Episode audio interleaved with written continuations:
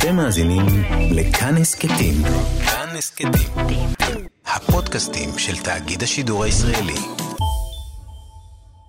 75 million dollars, 75 million, 80 million, 80 million dollars, 80 million, at 80 million dollars, 85 million now, at 85 million and 90, at 90 million, 95 million, at 95 million.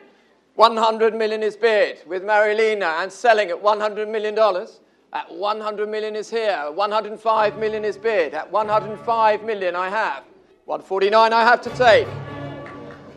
We're going ones. At 149 then, 150 will be next. 149 with Loic Guzer, Modigliani. At 149 is here. There it is. It's not 170, ladies and it's 151 million. One more, Loic, or are you done? At 152 million, with the ladies here, it's yours, Elaine. I'm selling it. Last chance, all done. At 152 million dollars. Sold here, 1561. מאחורי הקלעים, שעה עם רותי קרן על צידו הנסתר של עולם התרבות והאומנות. הטו המספרים העולה באלפים ובמיליונים, את הדיבור המהיר של הכרוז, את רחש הקהל, השקט המתוח, ולבסוף מכת הפטיש והמילה נמכר, רובנו מכירים גם בלי שנשתתף אפילו פעם אחת במכירה פומבית. בין שמדובר בציור נדיר של פיקאסו, בשעון יד של פול ניומן, אה, בטיוטות הכרזת העצמאות או בסוסים, מכירה פומבית היא אירוע, היא טקס שמאחוריו יצרים, רגשות, סיפורים אנושיים, חפצים נדירים ויקרי ערך, מרמה, זיוף, תחכום והרבה הרבה כסף. מה שאנחנו רואים במהלך תהליך המכירה הפומבי לא מגלה שמץ ממה שמתרחש מאחורי הקלעים. ומדובר בעולם סבוך ומרתק עם חוקים וכללים, היסטוריה ומנהגים, והסיפורים שמאחורי מעניינים אולי יותר מן הפריט עצמו. ובמקרים רבים הם שמעניקים לו את ערכו הרב. כך למשל לגבי מכתבי האהבה של בן גוריון למאהבת שלו, טיוטות הכרזת העצמאות, או פנקס העגונות מברגן בלזן, פריטים שהוויכוח על מכירתם הגיע אף לבית המשפט. מירון ארן עוסק בתחום הזה כבר 25 שנים, הוא אחד מבעלי בית המכירות קדם, והוא יכניס אותנו היום ובשבוע הבא אל מאחורי הקלעים של העולם הקסום והמרתק הזה. אני רותי קרן מגישה ועורכת, ארז שלום על הביצוע הטכני. שלום מירון. שלום וברכה. אז אנחנו רגילים למכירות של יצירות אומנות, של ציירים, פסלים ידועי שם, חפצים אישיים של זמרים, שחקנים, פוליטיקאים חשובים, אלא שחפצים נדירים יכולים להימצא גם בפחי האשפה, או בדירות שבעליהם הלכו לעולמם והותירו בארונות ובמגירות העץ המתפוררות אוצרות ממש, תרתי משמע. ומה שאולי מעניין אף יותר הוא שאיך הפריטים האלו מגיעים אליכם. ישנה למשל אישה בירושלים שהביאה עליכם כמה וכמה פריטים יקרי ערך, שלה עצמה ככל הנראה לא היה מושג עליהם. כן, הרבה מאותם אנשים שמביאים לנו מציאות, אין להם מושג. הם פשוט מביאים לנו אותם כדי שאנחנו נבדוק ונמיין אותם. זה יכול להיות מישהו שמוכר בשוק הפשפשים, זה יכול להיות מישהו שמפנה בתים. כל מיני קבלני שיפוצים הרבה פעמים. ויש גם כאלה שפשוט אה, אוספים ברחוב, אוספים בפחי זבל אפילו. מה שאת מזכירה זו אישה שהפרנסה שלה היא באמת אה, לקבל עזבונות בקטמון. כאשר מישהו נפטר, מזמינים אותה לפנות אה, מה שהיא רוצה מהבית, שזה מתחיל מבקבוקים שאפשר לקבל 30 אגורות ועד בגדים משומשים. וכשהיא מוצאת ניירות, כשהיא הייתה מוצאת ניירות, אז uh, היא הייתה מביאה אותם אלינו, פשוט שנמיין לה. איך זה היא הגיעה בכלל? למה מזמינים אותה? זה צדקה, זאת אומרת, זה פרנסת אילוץ, וזה כאילו, פשוט אנשים נותנים לה את זה כצדקה. מזמינים אותה, שתיקח ו... והיא מרוויחה על זה כסף את... לא רע. אה, לפעמים, ולפעמים כן. לוקחת בקבוקים ומקבלת 30 אגורות, וגם על זה היא אומרת תודה. מה, היה משהו אה, ככה רציני שהיא הביאה לכם, ועשתה אה, מזה קופה רצינית? היה פעם אחת, פעם אחת שהיה לה סיפור הצלחה גדול. היא הביאה לנו ארגז של ניירות, שהיה של תימני שנפטר, ובין היתר, זאת אומרת, היה שם...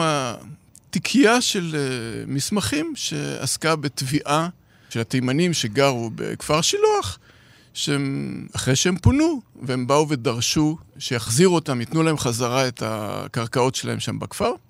מיינתי את הניירות שלו, את התיק הזה לקחתי למכירה, כי פשוט הנושא של כפר שילוח וההתיישבות התימנית שם הוא נושא מעניין. ולקחתי את זה, רשמתי לה, היא מקבלת קבלה, רשמתי לה 300 דולר, כבר הייתה מאושרת מזה שיש פוטנציאל של 300 דולר. ואז כשהתחלנו לעבוד על זה, ראינו שיש שם התכתבויות שונות עם אגודת התימנים, ויושב ראש אגודת התימנים חתום שם על חלק מהמכתבים. ואז הגיע יום המכירה, והיא ישבה באולם, אה, יחד עם בעלה, ישבו בשורה הראשונה. הפריט באמת התחיל ב-300 דולר, והוא התרומם והתרומם והתרומם והתרומם, כשמצד אחד היה, אחד המתחרים היה עמותה שעוסקת בהחזרה של קרקעות אה, בירושלים המזרחית לידיים יהודיות, ואז הם קיוו שבאמצעות הניירות האלה שם הם יוכלו לדרוש קרקעות בסילואן ממי שגר שם היום. ומצד שני היה אספן אמריקאי שאוסף חתימות של uh, חותמי מגילת העצמאות. כשהחותם הנדיר ביותר זה סעדיה קובאשי. סעדיה קובאשי היה תקופה קצרה יושב ראש איגוד התימנים, בדיוק בהכרזת המדינה, ובן גוריון, שהיה לו חיבה עזה לתימנים, רצה תימני אחד שיחתום על מגילת העצמאות. וזה היה סעדיה קובאשי. והחתימות שלו הן הרבה יותר יקרות מחתימות של בן גוריון או גולדה מאיר, כי מטבע הדברים הוא נעלם אחר כך. אחר כך הוא היה מנהל בית ספר, אבל גולדה מאיר כתבה בלי סוף, ובן גוריון עוד יותר. אז החתימות, עם כל הכבוד לבן גוריון, חתימה שלו עולה 300 דולר, בעוד שאותו לוט של uh, מסמכים של... Uh, כפר השילוח, שקובאשי חתום, זה גמר ב... אני לא זוכר בדיוק, משהו כמו 36 אלף דולר או משהו כזה. וואו. Uh, לשמחתה הרבה של הגברת שישבה שם, והקונה היה מאושר. זאת אומרת, מבחינתו, הוא השלים את הסט של... הוא רצה חתימה של קובאשי טובה. מ-48, וזה בדיוק מה שהיה לו שם, זה סגר לו את הסט, יש לו עכשיו את כל חותמי מגילת התמות, היה מרוצה מאוד מהסכום. יותר מזה, הוא הציע לי אחר כך, קח את כל שאר התיק, לא יודע מה עניין את האנשים האלה, תן להם את זה בחצי מחיר, לא אכפת לי בכלל, אני רוצה רק את ה... סעדיה קובאשי האחד של להשלים את הסט. וקובאשי קושר אותנו כמובן למגילת העצמאות ולסיפור של מכירת או ביטול המכירה הפומבית של אה, טיוטת מגילת העצמאות, עורך הדין בהם ששמר אותם והוריש אותם, אלא שאז אתם מקבלים צו שופט שיש איסור על המכירה. נכון. מה שאנחנו קיבלנו מבניו של בהאם ומהנכדה, זה את הטיוטה הכי ראשונית של מגילת העצמאות. זה האורגינל שהוא כתב, הוא הגיש עותק של זה, מודפס במכונת כתיבה, לבן גוריון, השאיר לעצמו עותק אחד, ונשארו אצלו הטיוטות הראשוניות ראשוניות. בהאם היה עורך דין עצמאי, ש... התמחה בלימודים שלו בחוקה האמריקאית ובחוקה האנגלית, ולכן, כשהגיע הרגע שהיה צריך כשלושה שבועות לפני הכרזת המדינה, החליטו שצריך לנסח את הנוסח שבן גוריון יכריז של המדינה, ביקשו מבהם, ביקשו ממנו, אתה כמומחה, תנסח לנו את הטיוטה הראשונית, ואחר כך אנחנו נעבוד עליה, ובאמת כך היה. והוא ישב וכתב לעצמו מיני טיוטות של דברים שהוא מוציא, חלק באנגלית, חלק בעברית, דברים שהוא מעתיק קצת מהאנגלים, מעתיק קצת מהאמריקאים, ומשנה את זה ומתאים את זה לצרכים שלנו. ואחרי כמה ימים הגיש למי שמינה אותו את מה שהוא התבקש. וזה, אנחנו הכנסנו את זה לקטלוג, זה נכנס במחיר פתיחה של רבע מיליון דולר. הייתה בזה כבר התעניינות ברגע שהקטלוג יצא, ואנחנו גם הודענו, ל... התקשרתי למוזיאון העצמאות ברחוב רוטשילד, שהדבר הזה אצלנו במכירה. שלושה ימים לפני המכירה קיבלנו צו אה, שאוסר עלינו למכור. וזה הגיע לבית המשפט. היו אנשים שהתעניינו, זה היה מגיע, יכול היה להגיע למחיר יפה. מה הייתה הסיבה של האיסור? הטענה הייתה שזה רכוש ציבורי, זאת אומרת, זה משהו בעל ערך היסטורי של מדינת ישראל, ולכן הוא שייך uh, לכלל הציבור, mm-hmm. ובן אדם פרטי לא יכול למכור את זה ולא לקנות את זה. אז זה הגיע לבית המשפט, זה הגיע לבית המשפט המחוזי, שבהתחלה קבע שמשפחת בהאם רשאית למכור את זה ומחזיר לה את זה. המדינה ערערה, ובעליון, העליון הפך את ההחלטה באותו נימוק שכמו שמלאימים שטח קרקע לטובת כביש שהמדינה לוקחת לבן אדם את האדמה, אותו דבר במקרה הזה, המדינה הלאימה את זה. ובעצם המסמכים נלקחו. המסמכים שהיו כל התקופה הזאת של המשפט, שנים אחדות, הם היו אצלנו בכספת. נתנו לחתול לשמור על החלב. אה, ביום שבית המשפט החליט, הגיע נציג מה- מהארכיון הציוני, מהגנז, ולקח את זה. זאת אומרת שאם uh, המשפחה של עורך דין בים לא הייתה מחליטה למכור את זה, זה היה נשאר אצלם בעצם. האבסורד הוא שזה היה אצלהם שנים והמדינה ידעה. זאת אומרת, אה. יש בחדשות של ערוץ אחת, רואים אה, ראיון איתם 20 שנה קודם, עם האלמנה של בעם שעוד הייתה בחיים, שהיא אומרת, היא מוציאה את זה ממעטפה ואומרת, הנה זה פה, למה אתם לא באים לקחת את זה? ואף אחד לא בא לקחת את זה. זאת אומרת, ידעו תמיד. אבל ברגע שזה קשור בכסף, אז uh, כן. כן.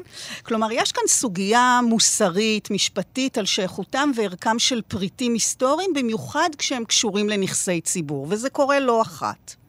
כן, ודאי, וזה גם הגיוני. אני לא טוען שאין דברים שצריכים להיות בידי הציבור. השאלה איך הם יגיעו לידי הציבור. האם בארצות קצת יותר מתוקנות, באנגליה, בצרפת, אז אם יש פריט כזה, שאפילו העיר חושבת שהוא צריך להישאר בעיר, המדינה יש לה את הזכות להשוות את המחיר שהתקבל במכירה פומבית בלי להתחרות. זאת אומרת שיתחרו אלה שרוצים לקנות, בזה יתקבל מחיר השוק, ואז קם נציג המדינה ואומר, אנחנו קונים, וזה שלהם במחיר הזה. כן. באופן הזה, גם uh, סביב מכירת uh, מכתבי האהבה של uh, בן גוריון למאהבת שלו בשנות ה-30, יכלה להתעורר התנגדות, כי מדובר בפריטים ששייכים למי שהיה ראש הממשלה, אלא שכאן המאבק התקיים בתוך המשפחה. כן, זה עניין אחר. זאת אומרת, יש בארץ חוק בן גוריון, שכל מכתב, כל דבר של בן גוריון יכול להיות שייך למדינה. זאת אומרת, המדינה יכולה לקחת אותו, והם לא הפעילו את זה. במקרה הזה, אה, ארכיון המדינה לא חשב שהוא צריך את הדברים האלה, את המכתבים האלה. בגלל שזה למאהבת, או ש... אה, אני לא יודע, באופן כללי, מכתבים של בן גוריון יוצאים הרבה, ומאוד מאוד מאוד נדיר שהמדינה באה ואומרת, אה, הלו, אי אפשר למכור את זה. קרה, אבל זה מאוד נדיר. כן.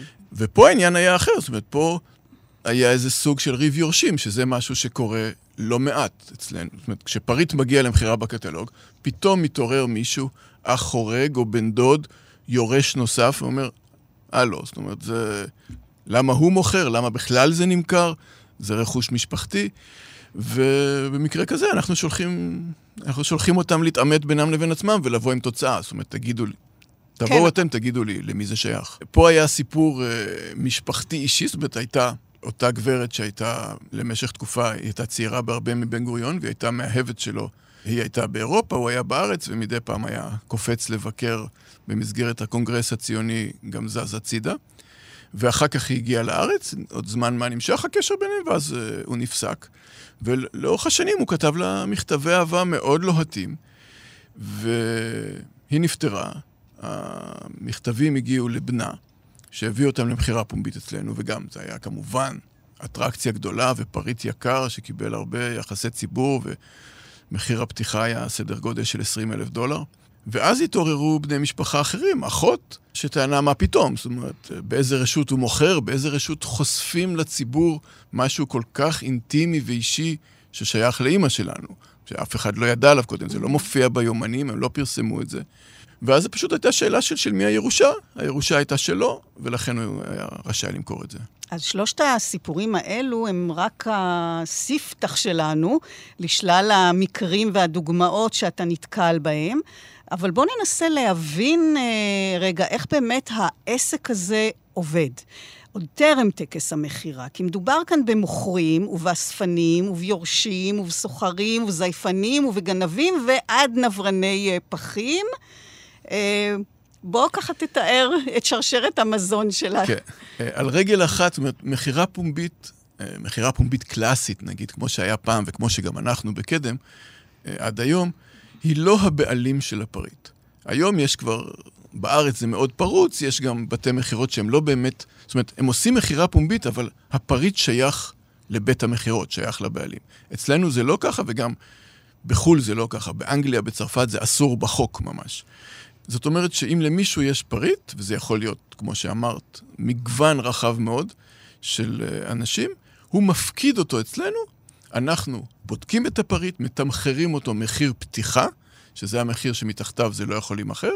הפריט נכנס לקטלוג, לפני המכירה יש תצוגה, מי שרוצה, כל מי שרוצה, ציבור גם לא קונה, שלא קונה, יכול לבוא לראות את הפריטים, ויש את המכירה. מי שהציע את ההצעה הגבוהה ביותר הוא הזוכה, משלם, ואנחנו מקבלים עמלה משני הצדדים.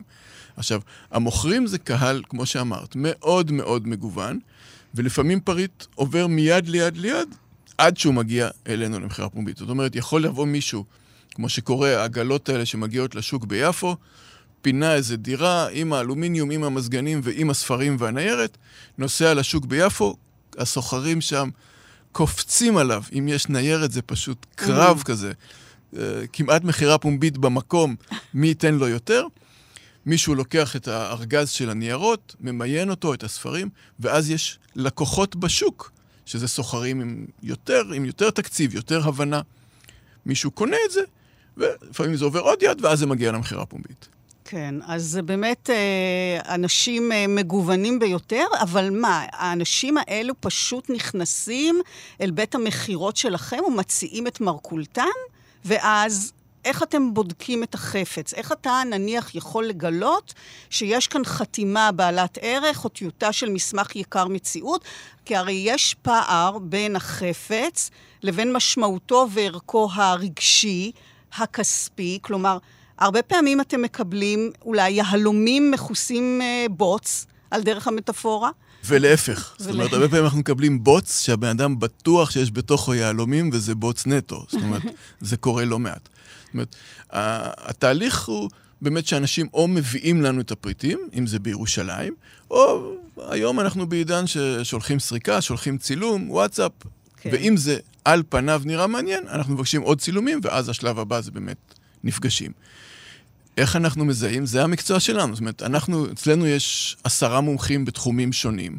זאת אומרת, יש בן אדם שמתמחה בספרי חסידות, ויש בן אדם אחר שעוסק באומנות, ויש אחד אחר שבכתבי יד תימנים או כתבי יד איטלקים. זאת אומרת, מגוון מומחים. אני, התחום שלי זה יותר uh, ציונות, ראשית הציונות, המאה ה-19, והמומחה בודק את הפריט. לפי הניסיון שלנו, לפי כל מיני מידע שיש לנו, בנק מידע שיש על כל מיני פריטים, קובעים האם זה בעל ערך ומה הערך, מה מחיר הפתיחה שאנחנו ממליצים, שאנחנו משתדלים שזה יהיה קצת פחות מערך השוק, והפריט מופקד. כן, אבל זה ממש מצריך מיומנות.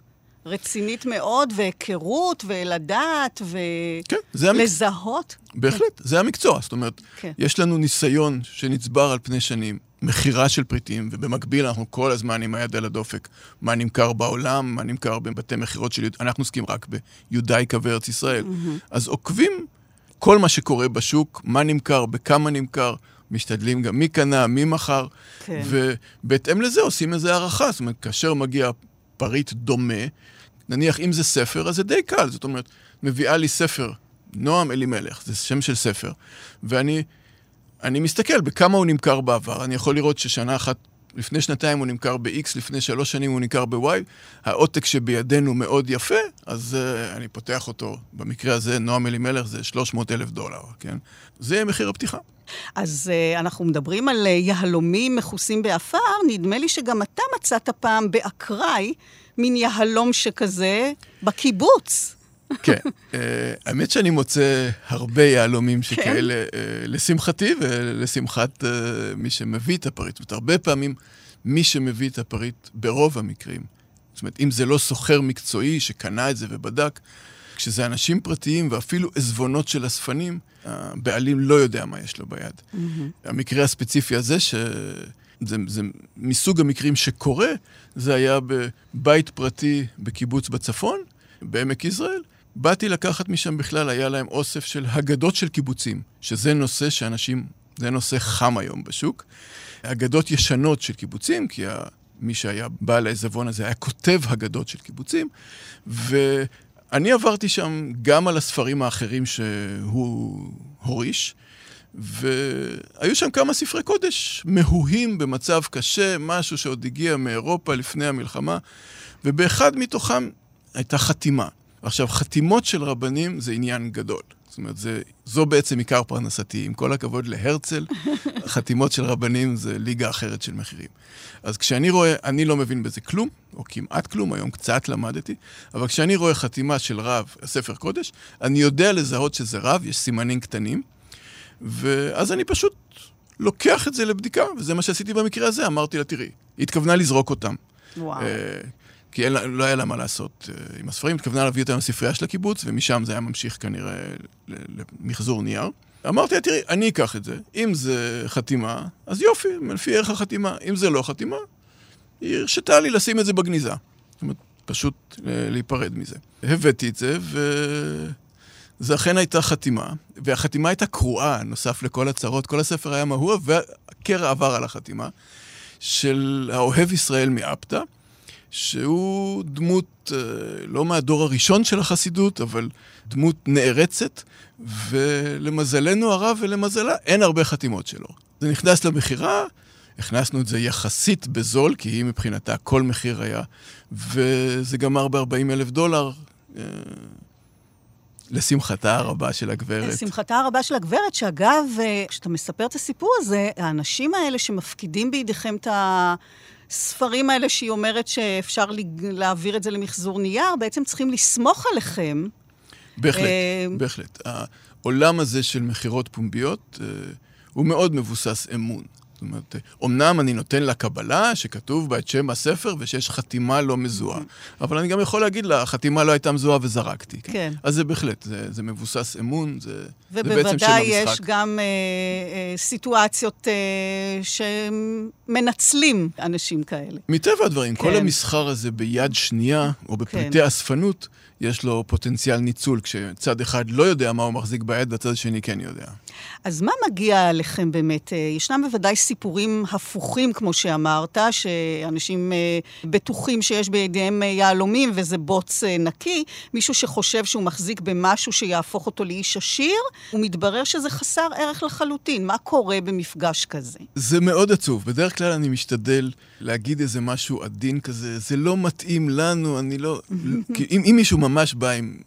שהוא חושב שזה הדירות של הנכדים שלו, כן. שהוא קונה לכ- לכולם, אז אני משתדל לשלוח אותו למקום אחר ולא לשבור לו את זה ממש בפרצוף, ככה ש- שמישהו אחר יעשה את העבודה. ואם זה אנשים שזה המקצוע, שזה התחום, שזה יש הרבה פעמים, כן, כל מיני מפני דירות, סוחרי יד שנייה, בעלי חנויות ספרים יד שנייה, אז אני פשוט אומר לו, תשמע, זה, זה לא. כן, כי הוא לא מעורב בזה רגשית. כן. אז איזה דברים אתם מקבלים? תן לי ככה דוגמה. הכל מכל וכול שאיכשהו יכול להיות פריט אספנות. ואנשים אוספים פחות או יותר הכל. אה, אני בתחילת דרכי, היה לי, היה סוחר בשם שטיין בירושלים, שאמר לי, אה, סוחר ותיק, שהלך לעולמו, והוא אמר לי, לכל זבל יש את החיפושית שלו. זאת אומרת, אין משהו שמישהו לא יאסוף. אתה רק צריך למצוא אותו. אז זה מי... אנחנו עוסקים הרבה בישראליאנה, זאת אומרת, פריטים שקשורים למדינת ישראל, כולל כמובן כל התקופה של הציונות, אז זה יכול להיות ממזכרות שנוצרו בארץ במאה ה-19 וצליינים לקחו אותם לרוסיה ואז הן חוזרות חזרה לפה כי אספנים אוספים אותם, ועד מכוניות צעצוע, יש מכוניות של חברת גמדה. בכפר הנשיא בצפון בשנות ה-60 הייתה חברה שייצרה כאלה מאצ'בוקס כאלה, מכוניות צעצוע קטנות. זה נושא אספנות חם, כן? וזה ממשיך ל... אגד, אל על. זאת אומרת, ומצד שני, ספרי קודש, כל העולם הרבני, שגם לו יש את האספנות שלו, שזה מקמעות ומכתבים של הרבי מלובביץ', ועד כתבי יד מוקדמים, הכל. אז בוא נתוודע באמת אל החיפושיות האלה, כלומר אל הקונים שמתחלקים אה, לשתי קבוצות עיקריות, אה, מוסדות כמו ספריות, ארכיונים ואספנים פרטיים, שזה עם מיוחד במינו. מצד אחד יש אה, באספנות משום תכונה שכביכול מכניסה את כולם תחת אותה קורת גג, אבל האספנים הם שונים ונבדלים וייחודיים הן בסוגי האוספים וכמובן ברמת הדבקות ועד התמכרות ממש לאספנות, ואתה מן הסתם פוגש כמעט את כולם. אז מי הם האספנים הללו? מי הם האנשים שקונים את הפריטים האלה? מדובר רק בבעלי ממון? אה, לא, ממש לא רק בבעלי ממון. אספנות זה תשוקה שיכולה לבוא מכל מיני כיוונים. זאת אומרת, זה נע באמת כמו מוסדות ציבוריים שקונים מהכיוון האקדמי, או מהכיוון המוזיאלי להציג את הדברים, ואז יש גם אספנים פרטיים שאוספים בזווית הזאת. זאת אומרת, או שהם מדמיינים את עצמם איזה סוג של מוזיאון, והם רוצים, אבל הם חושבים על כל מה ש, שהפריט יהיה יפה, שהפריט... או שהם למטרות מחקר, כותבים ספר, ו, וזה נע עד הקצה השני, שתופעה פסיכולוגית ידועה שנקראת אגרנות. זאת אומרת, שהאספנות כאוסף זה רק תירוץ להסביר את האגרנות, שאני הגעתי למקומות ש... דירה של ארבעה חדרים, הייתה, היה אוסף אחד כזה בתל אביב, שאני לא אנקוב בשמו, שהייתי לוקח את הילדים שלי אחד-אחד כדי שיבינו עד לאן אספנות יכולה להגיע. בן אדם שהיה רחב אופקים ואסף עם ידע עצום, עצום, חקר, פרסם, וכל הבית ליד העירייה, דירה יפהפייה, כולל המרפסת, היו רק מעברים ברוחב אדם. היה מעבר למיטה שלו, מעבר לשירותים, מעבר למטבח, ומהצד קירות, כאילו קירות החוצה ים סוף. קירות שהגיעו לגובה מטר, מטר וחצי, תלוי איפה. זאת אומרת, אתה ממש הולך, mm-hmm. אתה בקו, זאת אומרת, הילדים שלי הלכו מתחת לקו, ופשוט דברים בערימות. זאת אומרת, שלא הייתה לו שום אפשר... ופריטים נפלאים. מה הוא אסף? הוא אסף... אה, פריטים שקשורים, גם חפצים שקשורים לעם ישראל, זאת אומרת חנוכיות, חפצי קודש למיניהם, ובעיקר עניין אותו תרבות חומרית בארץ במאה ה-19. זאת אומרת, דברים שהדפיסו פה, דברים שייצרו פה, שזה בדרך כלל היה לכיוון היהודי-דתי, כן? דגלים של כן. שמחת תורה. אה, אבל הדברים האלה, אתה אומר, עולים הרבה כסף. אז השאלה אם באמת האספנים האלה הם רק אנשים שידם משגת, או שיש באמת... אה, שם המשחק מעבר לכסף זה ידע. זאת אומרת, אם יש לך המון ידע, הרבה פעמים הוא מכסה על המחסור בכסף. זאת אומרת, כי אם הידע הזה הולך ומסתובב, היום זה יותר קשה, כי הידע נגיש לכולם באינטרנט, אבל הבן אדם הזה התחיל לאסוף לפני 60 שנה, ואז הידע לא היה קיים, גם לא היו אז קטלוגים של תערוכות, לא היה כלום. אז אתה יכול לנסוע עם הידע שיש לך לירוחם, ואתה יודע שפריטים שנתפסו בהודו על ידי יהודים הם בעלי ערך, במיוחד אלה המאוירים, אז uh, אני מכיר בן אדם שהדפיס פקסימיליה של, עשה מחדש, הגדה הודית. ואז היה מסתובב בירוחם, באשדוד, בדימונה, ודופק בדלתות שלה בשכונות ההודיות ומציע להם, בואו נעשה החלפות. כן. אני אתן לכם שלוש חדשות, אתם תיתנו לי אחת ישנה. כן? ו... כן. ובלי כסף הוא ליקט, כן? ואחר כך היה מוכר אותם.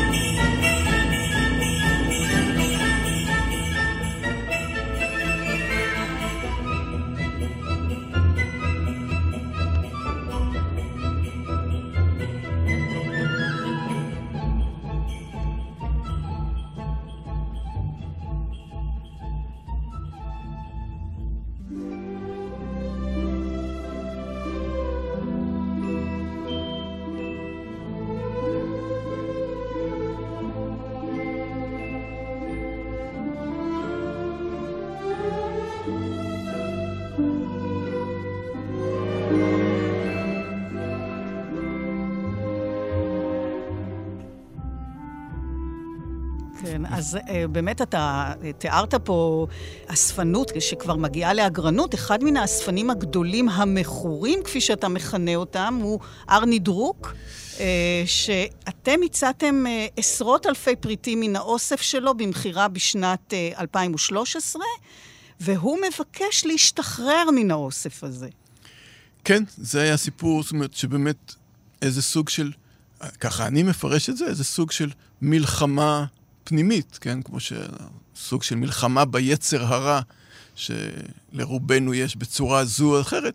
אצלו זה היה, ככה הוא לפחות uh, הבין את זה, uh, אספנות. זאת אומרת, שזה משהו שגבר על ההיגיון שלו, כן? זאת אומרת, ואילץ אותו, שלח אותו כמו, כמו סוג של מכור, כן? של, אני יודע, כמו שפירומן מדליק יער ואחר כך מאוד מצטער ש... אז אותו דבר פה, זאת אומרת, הוא היה קונה במכירה פומבית לפעמים מעל התקציב שהוא חשב, ש... אבל הוא לא יכול היה שזה לא יהיה באוסף שלו. וזה משהו, תופעה שמוכרת אצל הספנים, שהוא חייב את זה באוסף שלו. ובמקרה שלו, הגיע איזה רגע שהוא אמר, זהו, אני עוצר, אני מתנקה, אה, אם ניקח את השפה של הסמים, ומכר את הכל. מכרת הכל, וזה הרבה מאוד כסף. אה, כן, כן. מטבע, מטבע הדברים. כן, אומרת, מעניין אה, אם הוא יתחרט אחרי זה. אה, לצערנו, לא הרבה אחרי זה הוא נפטר ככה בהפתעה גמורה. המכירה הייתה בלי כן. קשר. אתה יכול אז באמת לשרטט פרופיל של האספן הכפייתי המכור?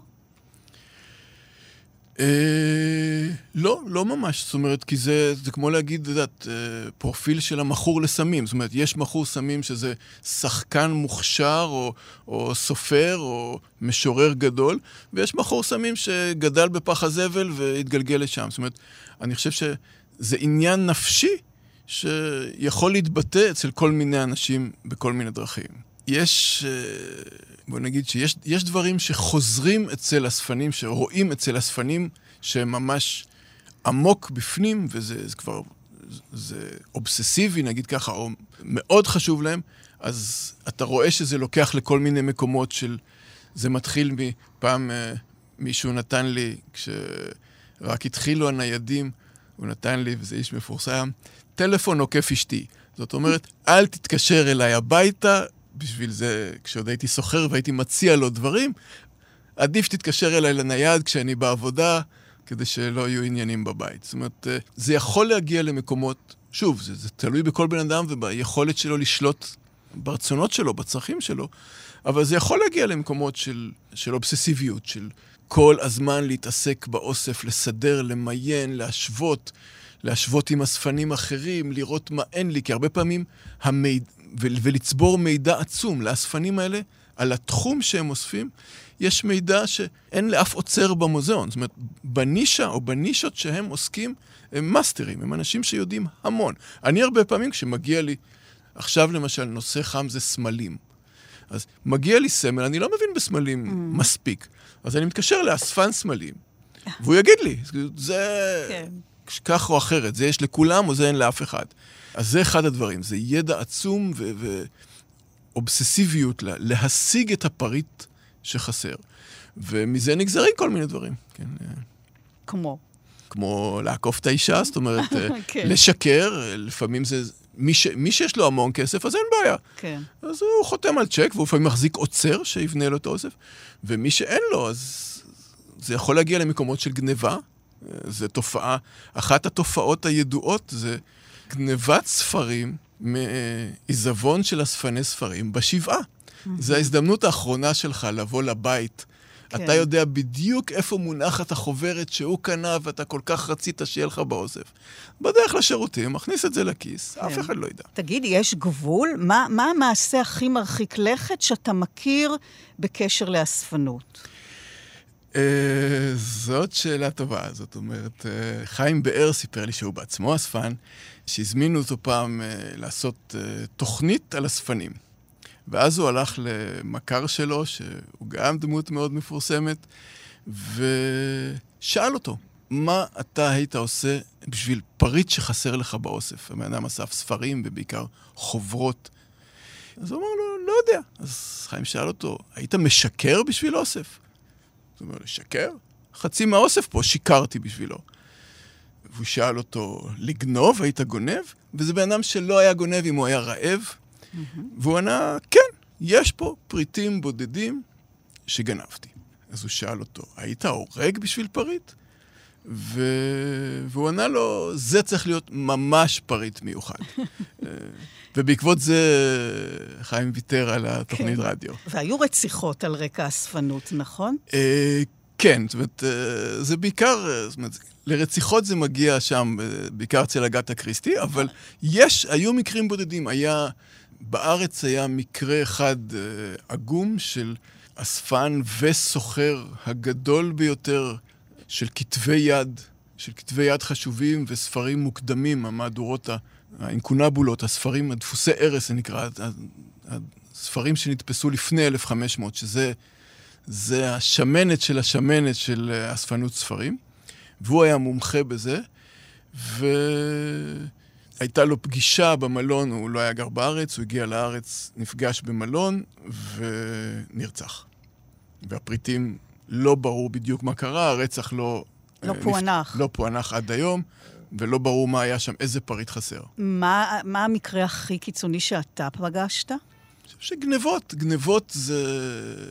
כי, כי יש פה צד כספי, יש פה כן. צד כספי חזק מאוד מעבר לצד האספני. זאת אומרת, כן. גם הצד של שהאספן צריך את הפריט והוא יגנוב, אבל גם הצד שהוא פשוט לא יכול לשלם עליו, או שהוא גם סוחר, ואז זה פשוט, הפיתוי הוא עצום. אז כן. על מה למשל מישהו ירצח או יבצע משהו פלילי? אנחנו לא מדברים על אה, ציור של מונה או על משקפי השמש של מרלין מונרו, זה יכול להיות סביב חוברת של סופרמן שנמכרה ב, תקשיבו טוב, מעל שלושה מיליון דולר.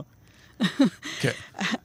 אז שזה... אה, היא נקנתה בשנת 36, נדמה לי, בעשרה סנט, זה המחיר שכתוב עליה, שנומינלית זה שני דולר היום. זאת אומרת, אה, כן, בעולם הגדול יש עכשיו מעבר לדור חדש של אספנות. זאת אומרת, אם פעם, פעם לפני 20 שנה, לא כזה פעם רחוק, באמת הטופ של האספנות היה דפוסים מוקדמים וכתבי יד מאוירים, היום זה קומיקס וזה פוסטרים של סרטי אימה. פוסטרים של סרטי אימה זה הדבר החם ביותר באספנות האמריקאית היום. זאת אומרת, כל מיני פרקנשטיין כאלה, חצי מיליון דולר לפוסטר זה לא חריג. אמ-הממ. וכמו שאת אומרת, אה, סופרמן הראשון שנמכר אז בשלושה מיליון דולר, זה גם לא חריג. זאת אומרת, מאז כבר היה במיליון, שניים, זה... האספנות הזאת של הקומיקס זה כמו בולים, זאת אומרת, זה פונקציה למצב של הפריט. זה עניין גדול. הקומיקס הזה, הסופרמן הזה שהבן אדם קנה בשלושה מיליון דולר, הוא לא יכול לפתוח אותו. הוא מנוילן, יש חברה שעוסקת בלתת ציון למצב הפריט, בשטרות ובקומיקס, ואז הם מכניסים אותו לניילון בוואקום, ויש שם אה, ציון. הוא קיבל ציון, זה, הציונים הם עד 64, אני יודע, הוא קיבל ציון 55, זה אומר שהדפים לא מלוכלכים ולא, הוא לא חדש, אבל הוא יפה, כן. ולכן המחיר המטורף הזה. אז מה באמת אוספים? מה קונים? מה יגיע למכירה פומבית? כל דבר שמישהו יכול לאסוף. זה כמובן מתחיל מהדברים הקלאסיים של אה, אומנות, אבל זה עובר למכוניות ולס... אנשים אוספים סוסים. Mm-hmm. זאת אומרת, יש אספנות של סוסים. ושעונים, פריטים של מפורסמים, זה עניין משוגע לגמרי. וזה ממשיך לתכשיטים, תכשיטים של תקופות מסוימות, ולרהיטים, ו... ו... ויורד עד, כמו שאמרתי קודם, עד uh, מכוניות צעצוע, סמלים, ניירת, תוויות קטנות, uh, קלפים של uh, חבורת הזבל. זה עניין חם מאוד היום. הכל. אצלנו uh, הנושאים החמים, כאילו, מכיוון שהתחום שלנו בעיקר פריטי נייר, אז מה שאנחנו רואים זה מצד אחד ספרי קודש, עם תתי נושאים רבים של אספנות, ומכתבי רבנים, וקמעות, ומצד שני דברים שקשורים למדינת ישראל, לתרבות החומרית של מדינת ישראל, שזה יכול להיות, uh, כמו שהזכרתי קודם, הגדות של קיבוצים, זה יכול להיות כרזות שפעם הם היו, הכרזות שהיו מדביקים על לוחות המודעות, הגרפיות מביניהם, זה יכול להיות הכרזת המדינה, כל מה שקשור להכרזת המדינה, ל-14 במאי 48, זה נושא אספנות חם. ובתוך התחום הזה של הספרים, אז uh, השמנת של הספרים זה uh, מהדורות ראשונות, ועוד בתוכם יש מהדורות ממוספרות, ואחר כך ספרים שהם עם הקדשות או עם חתימות של המחבר, שזה מעלה מאוד את ערך הפריט, את ערך הספר. אז בין ההקדשות, למשל, מכרתם הקדשה של הרצל מ-1900, אה, שדווקא מעניין מה כתוב בה. מי שאין לו רעיון שבעבורו הוא מוכן למות, אינו ראוי לחיות. זה קצת נוגע אולי בטוטליות ובלהיטות שמאפיינת את מי שמבקש הקדשה כזאת, אה, או פריטים היסטוריים שכאלה, מסמכים, מכתבים. אה, מכרתם מכתב סודי של שמעון פרס לרב עובדיה יוסף, מכתב מאוד נדיר של זיגמונד פרויד, מסמכי תיעוד של משפטי אה, נירנברג, לצד הקדשות, כמובן חתימות, כמו אותה חתימה של קובאשי שנמצאה בזבל. כן, כמו שתיארת, המגוון הוא עצום. הרבה פעמים... ההקדשה באמת ניתנת למישהו שמבקש אותה, ואז הצירוף של המקבל והנותן זה עוד מעלה. במקרה של הרצל למשל, זה היה נער שפנה אליו בכניסה לתיאטרון, הוא החתים אותו יחד עם עוד כל מיני שחקני תיאטרון. והרצל, שהיה מחזאי, נכנס שם להצגה, תפס אותו, ואז מכיוון שהוא נתן הקדשה כנראה לנער מאוד צעיר, אז הוא נתן לו הקדשה של אה, ככה עצה לדרך, עצה של איש מבוגר לאיש צעיר. ולכן זה גם היה להיט אדיר אה, במכירה, וזה הגיע לעשרות אלפי דולר. יש הרבה משמעות לתוכן. כאשר יש הקדשה או מכתב, כאשר יש משהו בכתב ידו של מישהו מפורסם, יש המון ערך למה הוא כתב. זאת אומרת, אם הרצל כותב או אם פרויד כותב, לצערי לא אוכל להגיע אה, להרצאה שקבענו ליום רביעי בשעה שתיים, אז אתה בעצם קונה אוטוגרף של, אה, של פרויד שעולה מאות דולרים בודדים, כי הוא להרבה הרצאות לא הגיע, ושלח את הפתק הזה. מצד שני, המכתב שאנחנו מכרנו, שהוא היה, התוכן שבו היה מעניין, וזה, הוא, כבר היה באנגליה אחרי שהוא ברח מווינה, והוא כותב למישהי בווינה עם לשון uh, צינית כזאת, שמרמזת, מכיוון שכבר uh, היה גם צנזורה, זאת אומרת, הנאצים שלטו כבר באוסטריה, אז הוא מרמז לזה שאיזה מזל שהוא ברח, ואחרת הוא היה שכן של אותו נאצי ש... שגר uh, היום מול הבית שלו, אז זה מקבל uh, הקשר אחר לגמרי ומחיר בהתאם. גם פה זה היה עשרות אלפי דולר. יש מסמכים שהכתב יד זה לא, המשמעות זה לא החתימה, זאת אומרת, זה לא הבן אדם, זה לאו דווקא זה שהבן אדם מפורסם, אלא עצם זה שהמסמך, כמו שהיה עם מגילת העצמאות, זאת אומרת, המסמך כמסמך הוא בעל ערך, אז זה עניין אחר. זאת אומרת, הדוגמה הזאת של משפטי נירנברג, שהיו לנו מסמכים של עורכי דין ש... שעסקו שם במשפט, מסמכים של מתורגמן אפילו, שעבד שם, אז הערך הוא כבר הערך היסטורי או הערך התרבותי ש... שיש לפריט, ולא ערך הערך ניתן לא מהבן אדם המפורסם. כן, אז אה, זהו, שישנם חפצים, באמת אנחנו מד... הזכרנו את אה, טיוטות מגילת העצמאות, חפצים שעומדים במרכז סערת רגשות ועד מאבק משפטי והתנגדות ציבורית חריפה. בדצמבר 2019, אך לא מזמן, אתם מעמידים למכירה מסמך מצמרר, שגם נוגע בפצע עמוק, פנקס העגונות מברגן בלזן, שהוא בעצם תיעוד... ראשוני על השמדת יהדות אירופה, וזה כמובן מעורר התנגדות גדולה. והמכירה נמנעת בצו אה, בית המשפט. אז איך בכלל הגיע אליכם הפנקס הנדיר הזה, ואיך אתה מרגיש כלפי סחר במסמך כזה?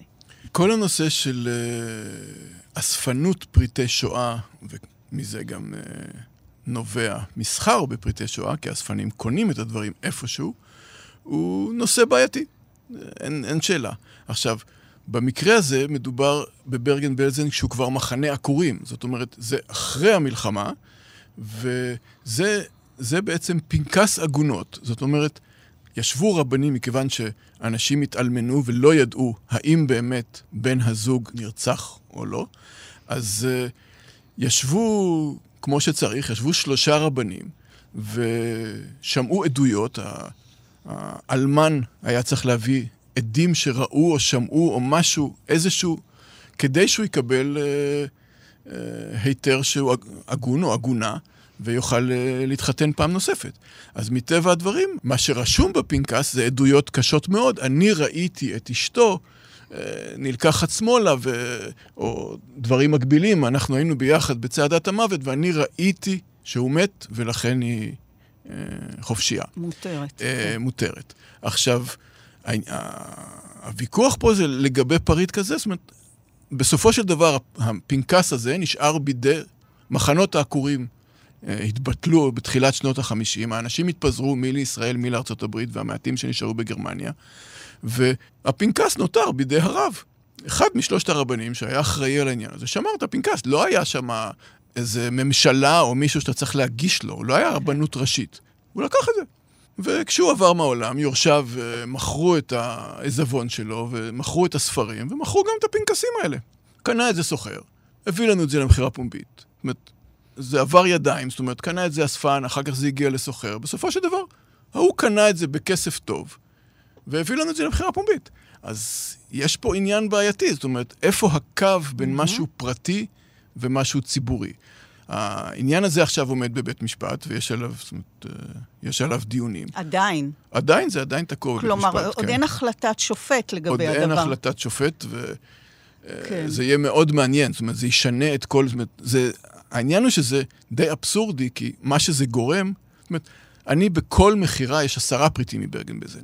כי mm. אם בן אדם מתחתן שם, אז יש כתובה, ויום אחד היא נזרקה לשוק הפשפשים, ואנחנו מוכרים כן. אותה. כי, ומי שקונה את זה, זה מוזיאונים. מוזיאוני כן. שואה בעולם הם מי שקונה את הפריטים, ומעט אספנים יהודים, זאת אומרת, אנחנו מקפידים למי אנחנו שולחים את הדברים האלה. אז נוצר מצב אבסורדי, כמו עם מכתבים של בן גוריון, אם אסור למכור אותם בארץ, אז אתה מוכר אותם בארצות הברית ואתה התרחקת מה... כן. אומרת... אז זהו, פריטים כאלה יש בוודאי לא מעט. אה, ספר השירים של קצטניק, משאת נפשם של מוזיאונים ואספנים, אה, אה, בהיותו יחיד בעולם, הושמד בידי מחברו כמעט לחלוטין. איך הספר הזה מגיע אליכם ולמי הוא נמכר? הספר הזה זאת אומרת, הקשר לשואה הוא קשר עקיף. זאת אומרת, זה ספרו הראשון של קצטניק, שהוא היה משורר בפולין, הרבה לפני המלחמה, ומשורר צעיר, מטבע הדברים, הספר יוצא, צוויון צוונציג זה נקרא, 22, כי היו בו 22 שירים. הוא יוצא במהדורה פצפונת, כי הוא משורר לא מוכר, ספרו הראשון, אז כבר מההתחלה לא היו הרבה ספרים. ואז, כאשר קצטניק מחליט שבעצם נמחק מבחינתו נמחק כל מה שהיה לפני השואה, הוא משמיד את העותקים של הספר שהוא מצליח להגיע, והסיפורים המפורסמים, הסיפור המפורסם ביותר זה כמובן העותק של הספרייה הלאומית, שהוא גנב אותו, שרף אותו והחזיר להם את האפר, כדי שלא יחשבו, שלא יהיה ספק שהוא לא גנב אותו כדי להשמיד אותו. אבל עותקים, המהדורה הייתה כ-500 או 300 עותקים במקור, אז קצת עותקים נשמרו. והעותק של, שהגיע לידינו, הגיע ממישהו שקנה אותו בחנות יד שנייה בחיפה. זה היה, יש את הספרי שירה ביידיש שלא מעניינים אף אחד, בארגז בחוץ, בחמישה שקלים, mm. שם הוא מצא אותו. מישהו שפשוט ידע, זה מה שדיברתי קודם, ששם המשחק זה ידע בתחום. כן. אז הוא קנה את זה, והביא לנו את זה למכירה. וזה מטבע הדברים, זה נמכר היטב, ומי שקנה את זה, זה אספן של ספרי שירה. זה לאו דווקא בהקשר של השואה, אלא כן. זה בעצם ספר השירה בעברית. אולי הנדיר ביותר שיש. יש עוד עותקים, יש עותקים כן. בודדים, אני יודע על איזה שלושה עותקים בידיים פרטיות.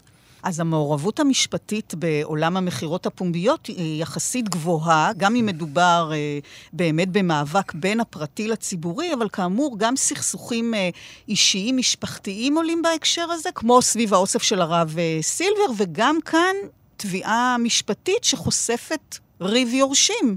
כן, במקרה של עזבונות של רבנים, שלפעמים זה לא הדור הראשון, אלא דברים שעוברים במשפחה דורות, ואז מגיעים לאחד הנינים, ואז הוא מוציא את זה למכירה. יש הרבה ויכוחים תוך משפחתיים, יש הרבה...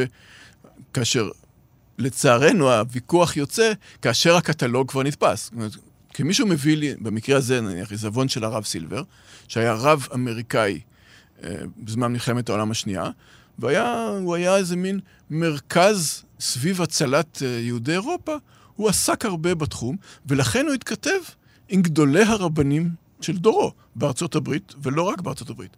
ומכאן שהיה לו אוסף מכתבים חשוב, אוסף חתימות חשוב.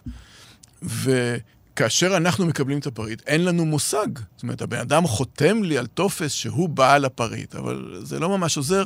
כשמגיע הרגל, יוצא הקטלוג, ואז הופס, אנחנו מתחילים לקבל אה, טלפונים נזעמים, וטלפונים נזעמים זה עוד מצב טוב, או תביעות משפטיות לעצור את, ה... לעצור את המכירה.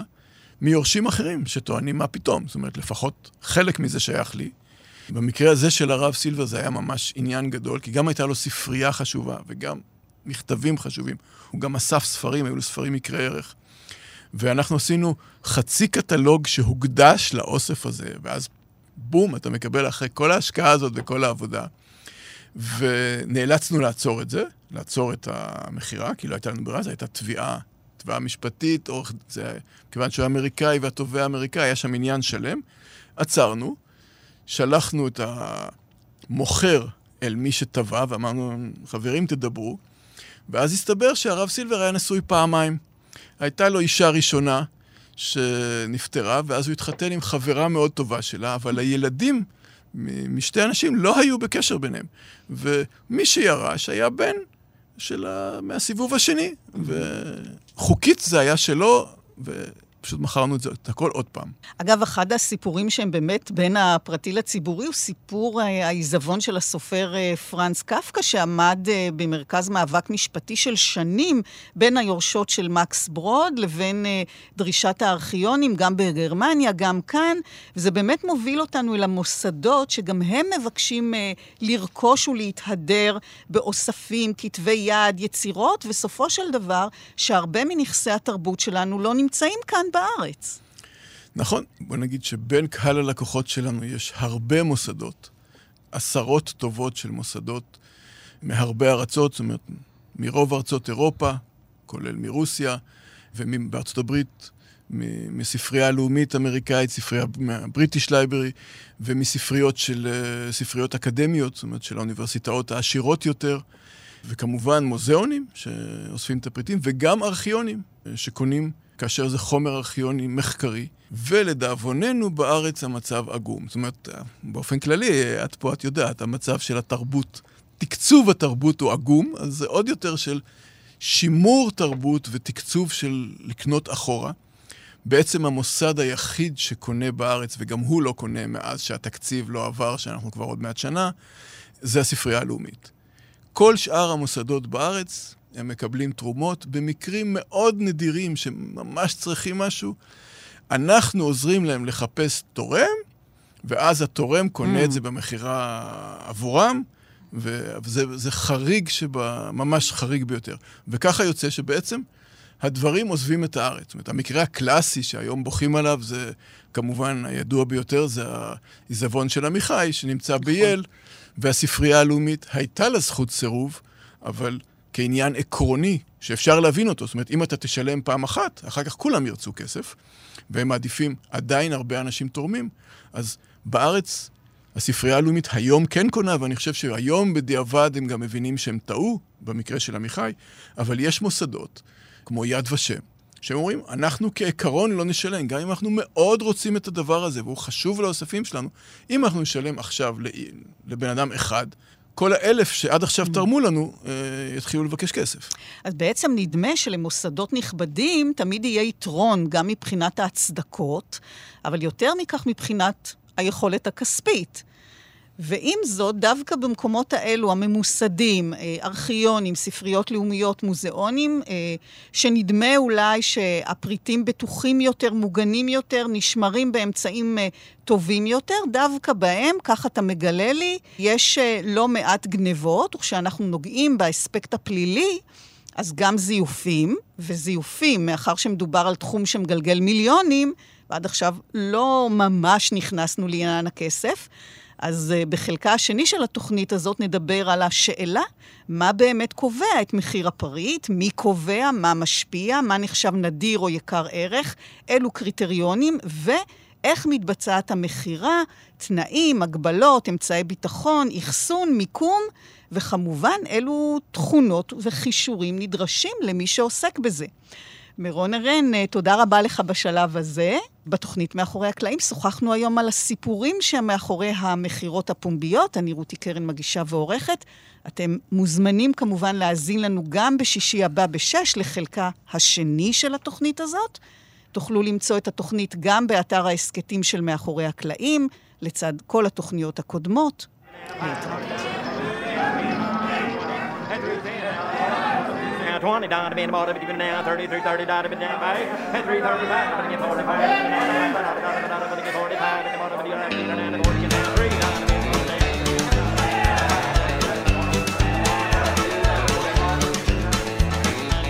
Well, I went down to the Grundy County auction where I saw something I just had to have. My mind told me I should proceed with caution, but my heart said go ahead and make a bid on that. And I said, Hey, pretty lady, won't you give me a sign? I'd give anything to make you mine on mine. I'll do your bidding and be at your beck and call. Yeah, I've never seen anyone looking so fine, man. I gotta have her, she's a one of a kind. I'm going once, going twice. I'm sold on the lady in the second row. She's an eight, she's a nine, she's a ten. I know she's got ruby red lips, blonde hair, blue eyes, and I'm about to bid my heart goodbye.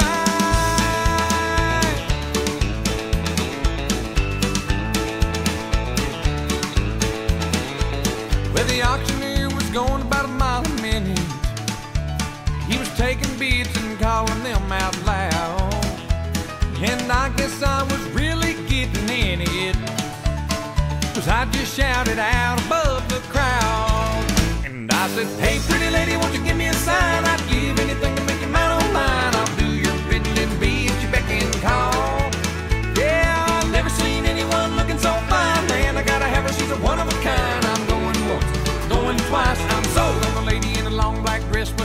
Heart. It was no contest with a ruby red lips, blonde hair, blue eyes. Well, I'm about to bid my heart goodbye. Yeah, we found love on the auction block, and I hauled her heart away. Now we still love to laugh about the way we met that day when I said, Hey, pretty lady, won't you give me a sign? I'd give anything to make you mine on mine. I'll do your bidding and be at your beck and call. Yeah,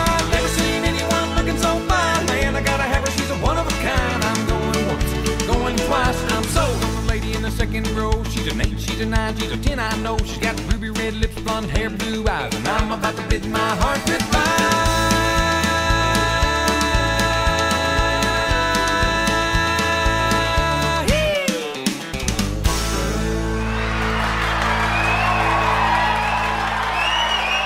That was so fun. How about some more?